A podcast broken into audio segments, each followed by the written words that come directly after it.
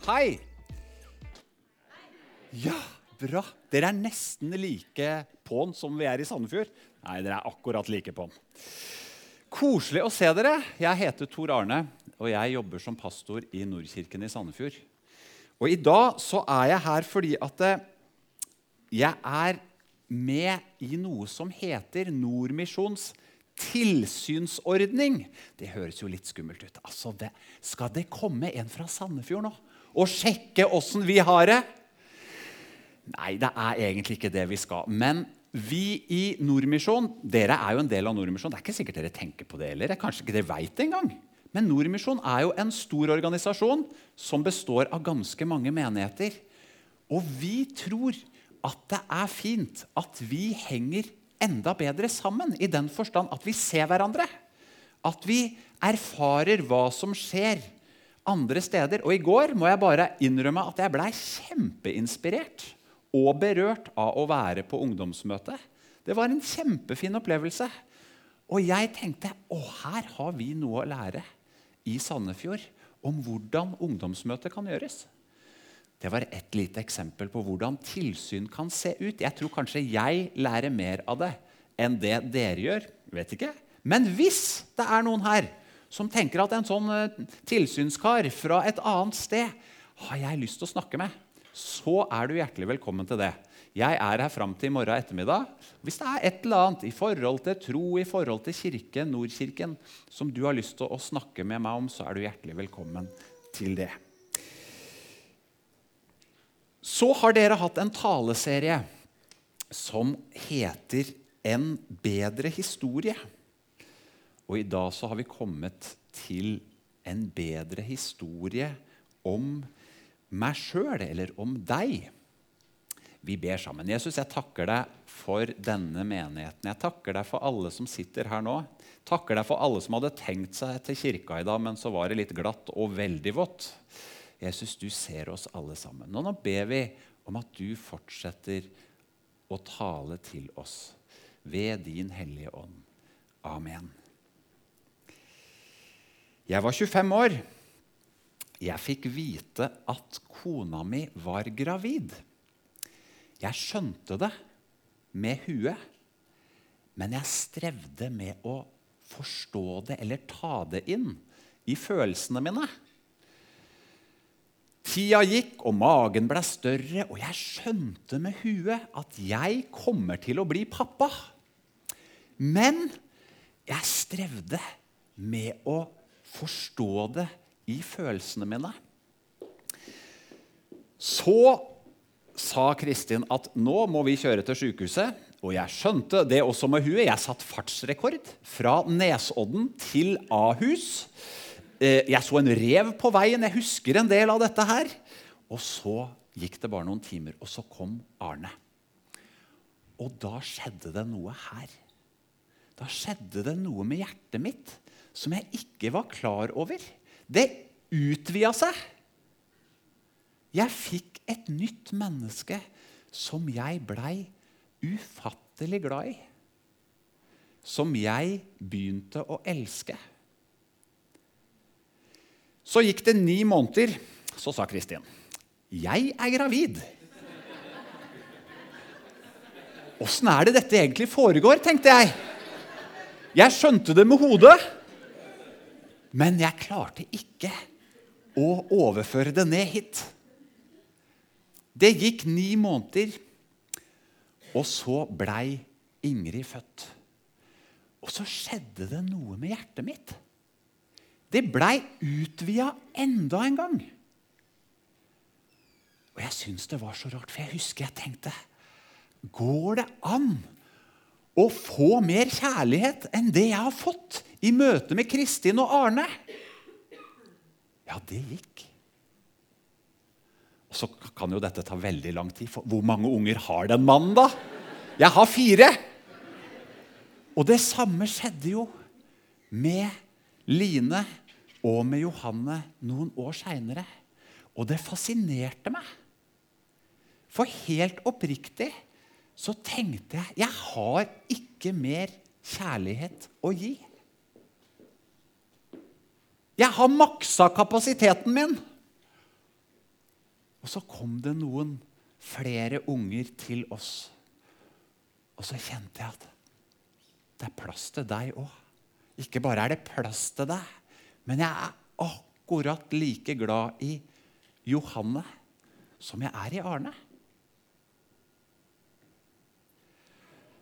Og så leste vi fra profeten Sefania.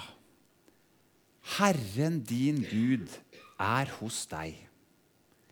En helt som frelser. Han fryder og gleder seg over deg og viser deg på ny sin kjærlighet. Han jubler over deg med fryd, som på en høytidsdag. Wow! For meg så var det å bli pappa en ny erfaring av det å skjønne eller erfare noe mer av Guds kjærlighet. Og så trenger man ikke ha blitt foreldre for å erfare Guds kjærlighet. Det er viktig for meg å understreke. Men i mitt liv og i mitt trosliv så skjedde det noe med min tanke om Guds kjærlighet da jeg sjøl ble pappa. Men det er vanskelig for meg å ta inn dette verset fra profeten Sefania. Er det sånn at Gud fryder seg over akkurat deg? Akkurat meg? Ja, det er det faktisk. Det er helt sant. Og det kan jeg skjønne her, men jeg strever med å forstå det i hjertet mitt. I følelsene mine. Det er så svært. Men så liker jeg veldig godt den sammenligning som Sefania bruker. For han skriver Han jubler over deg med fryd som på en høytidsdag. Og høytidsdag det kan jo være mange forskjellige ting. 17. mai, f.eks. Det er en høytidsdag. Er det noen her som pleier å gå i 17. mai-tog?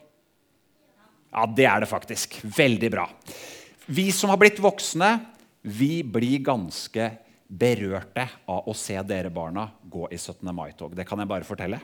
Vi syns det er så stas når dere synger og roper og viser masse glede og begeistring.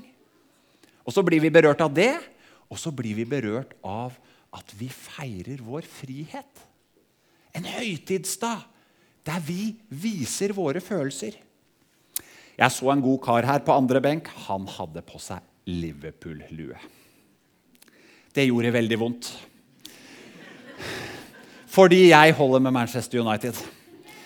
Ja, det var fint. Det var en annen her også. Takk. For noen år siden så var jeg på Old Trafford for første gang. Sammen med over 70 000 andre. Og de aller, aller fleste de ønska at det var ett lag som skulle vinne, nemlig Manchester United. Og det var en utrolig opplevelse! Å sitte sammen, ja, sitte, stå sammen med 70 000 pluss som hadde maksfokus på at van Persie og Rooney skulle sørge for at Stoke blei smadra. Og det blei de. 4-2. Vi fryda oss. Vi gleda oss. Vi viste begeistring. Og så leser vi at Gud, han fryder seg over akkurat deg. Ikke på samme måte som vi fryder oss, men enda mer. I det verset som flest nordmenn kan utenat, tror jeg, så står det For så høyt har Gud elsket verden, står det. Det kunne stått For så høyt har Gud elsket deg. Deg. Deg. For så høyt har Gud elsket deg. Det er utgangspunktet. Du er elska. Kanskje har du hørt en annen historie. Kanskje har du hørt at du må være god nok for å bli elska. Eller du må gjøre sånn og sånn for å bli elska. Og litt avhengig av alder så kan det hende du har hørt noe om kort, dans, ørepynt, leppestift, kino, musikkstil osv. osv. I dag har du hørt en bedre historie om deg. For ikke å si den beste historien om deg. Jo da, du og jeg vil fortsatt streve med det vi sier, med det vi gjør, med det vi tenker som er gærent. Det vil vi streve med. Vi når ikke opp til den standarden for det gode liv som Gud har gitt oss. Det er virkelig en god standard. Men utgangspunktet, kjære Soul Church, utgangspunktet er at du er elska. At det finnes en som fryder seg over akkurat deg. Og derfor sørga Gud for å sette i gang operasjon redning. For at hver den som tror på Jesus, ikke skal gå fortapt, men ha evig liv. Det hørte vi på ungdomsmøtet i går òg. Det syns jeg var så fint. For at hver den som tror på Jesus, ikke skal gå fortapt, men ha evig liv. La oss be. Kjære Jesus, jeg takker deg for at du elsker oss. Og du elska oss først. Derfor har vi også lært hva det vil si å elske. Takk for din kjærlighet, og jeg ber for menigheten her i dag. La de erfare, la de kjenne at de er elska av deg. La de få kjenne at du fryder deg over hver eneste en. Amen.